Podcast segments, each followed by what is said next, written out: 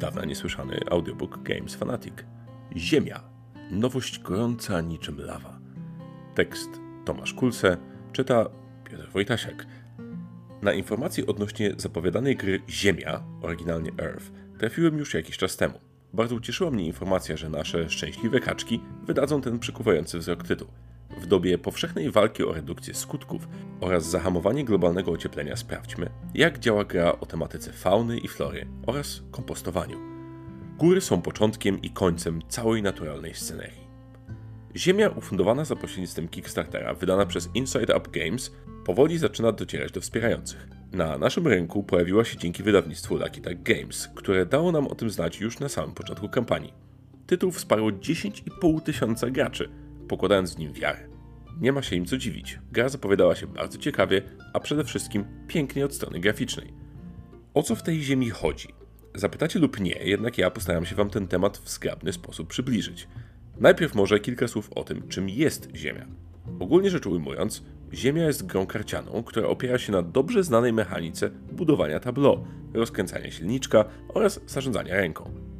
Poza tym, w grze będą występowały takie elementy jak zmienny setup, zmienne cele punktowania, indywidualne oraz ogólne.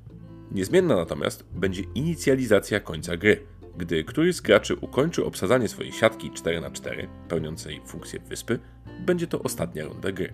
Nie schodząc z tematu, należy oczywiście wspomnieć, iż w grze Ziemia nie będziemy jedynie sadzić.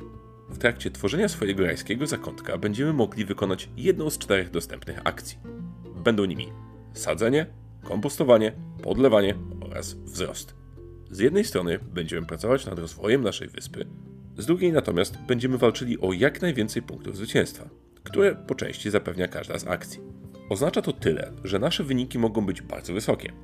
Gdy w przypadku jednych gier cieszymy się ze zdobyczy 70 punktów, tak tutaj możemy mieć 170, a i to czasami nie zagwarantuje nam zwycięstwa. Drzewo, które skrzypi, dłużej w lesie stoi. Przygotowanie do gry rozpoczniemy od przygotowania planszy fauny. Jest to swojego rodzaju cel naszego działania w kierunku punktowania. W zależności od przyjętego wariantu gry mamy do dyspozycji wersję z czterema przedstawicielami fauny, z których każdy pozwoli nam punktować po spełnieniu innego warunku, lub drugi wariant wprowadzający poza fauną dwie karty klimatu do końcowego punktowania. Do stworzenia swojej planszy otrzymamy po jednej karcie wyspy, klimatu oraz ekosystemu. Karty te są dwustronne i na początku musimy zdecydować, którą z nich wybieramy. Każda z kart posiada inne akcje oraz inną wartość punktową. Karta wyspy natomiast jest kartą, która określa nasz początkowy stan posiadania. W grze zarządzamy ręką, z kart wyspy dowiemy się ile kart będziemy początkowo pobierać, ile kompostować oraz ile gleby otrzymamy. Gleba tutaj pełni rolę waluty, którą płacimy za zasadzenia karty w naszym tableau.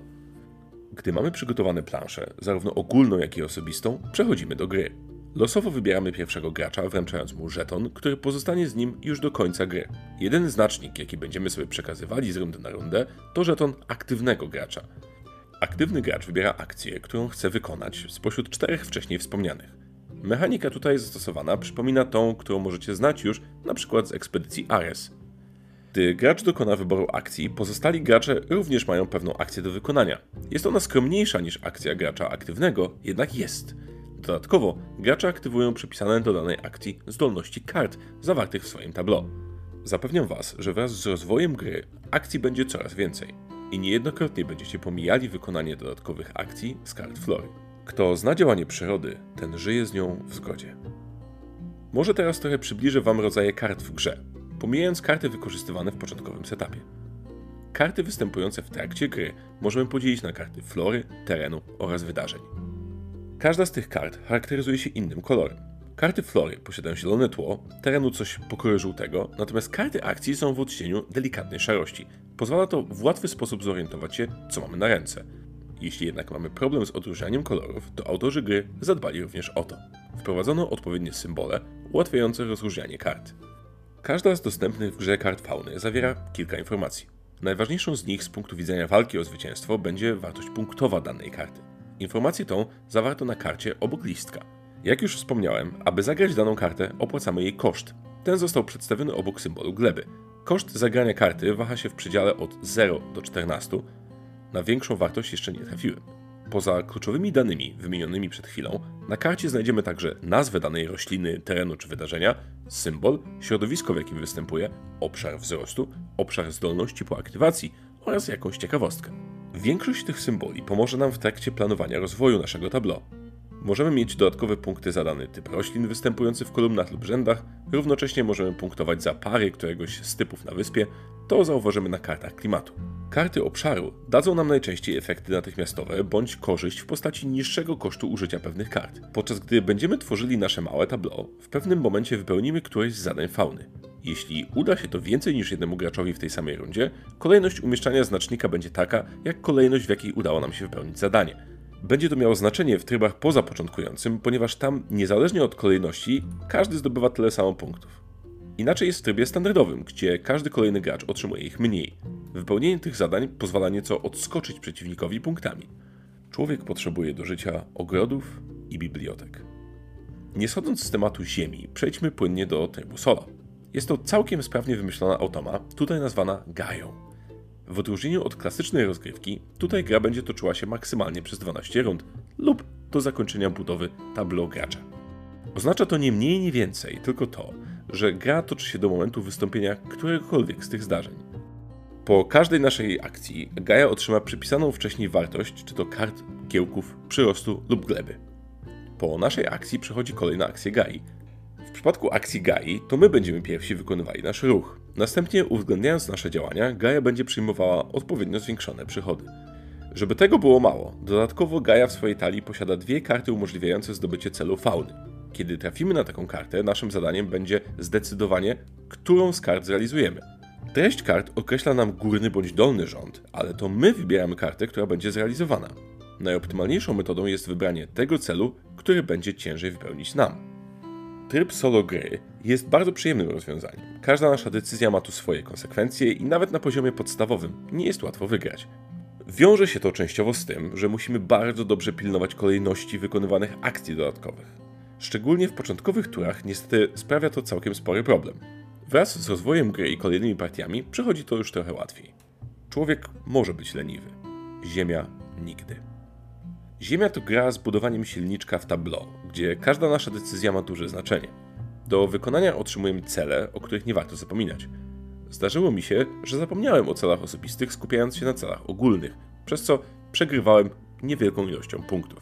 W innych partiach z kolei skupiłem się za bardzo na osiągnięciu poszczególnych celów, przez co inni gracze osiągali inne cele, punktując mnie dobitnie. Zdecydowanie trzeba znaleźć tutaj złoty środek w realizacji celów ogólnych, jak i osobistych. Równie dobrze musimy planować to, w jaki sposób zbudujemy nasze tableau. Mianowicie należy robić to w taki sposób, aby maksymalnie wykorzystać budowany przez nas silniczek. Już po początkowym rozdaniu kart na rękę będziemy musieli zdecydować, które z zadań odrzucimy. Wiadomo, że gdy mamy zadanie posiadania 10 lub więcej kart z jednym habitatem, a kart tych nie jest aż tak dużo, cel ten może być ciężki w realizacji. Podsumowując grę Ziemia, można stwierdzić, że jest to tytuł ciekawy, przyjemny i bardzo uroczy. Obrazki, kolory oraz na scenie barw przyciągają wzrok i zapewniają ucztę dla oka na wiele godzin. Jednak, aby zbyt często nie trafiać na te same karty, należy pamiętać o bardzo dobrym tasowaniu, co przy takiej ilości kart nie jest łatwe. Nawiasem mówiąc, właśnie przez to rozważam zakup maszynki do tasowania. Jeśli mimo wszystko jeszcze nie jesteście przekonani do ziemi, zawsze możecie przetestować tytuł w serwisie Board Game Arena, gdzie dostępna jest wersja beta tego tytułu. Można spróbować swoich sił zarówno w trybie solo, jak i z przeciwnikami. Osobiście uważam, że tryb solo na Board Game Arena jest bardzo przyjemny. Odchodzi nam całe przygotowanie oraz pilnowanie poprawności wykonywanych akcji. Jeśli przy małej ilości czasu będę miał ochotę zagrać w ziemię w trybie solo, na pewno dokonam tego na Board Game Arena. W innym przypadku przyjemność obcowania z tym tytułem sprawi, że chętnie sięgnę po niego na półkę, gdyż sprawia on mnóstwo frajdy. Liczba graczy od 1 do 5, czas gry powyżej 45 minut. Zalecany wiek graczy 13+. Ciężar gatunkowy według Board Game Geek 2,82 na 5. Plusy przyjemna mechanika budowania tableau, możliwość tworzenia ciekawych kombo, które napędzają się wraz z rozwojem gry, mnogość decyzji do podjęcia. Otrzymujemy punkty za niemal wszystkie nasze działania. Różnorodność kart pozwala na stosowanie wielu taktyk. Tryb wprowadzający dla nowych graczy. Jak podano w instrukcji, istnieje 25 600 możliwości początkowych konfiguracji. Na kartach celów umieszczono informację, jaki procent kart spełnia dany wymóg, jak w na skrzydłach.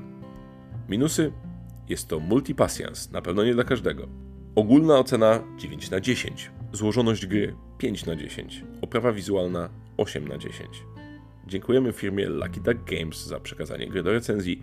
Po więcej zapraszamy na www.gamesfanatic.pl. Do zobaczenia na ziemi albo na ziemi, albo pod ziemią.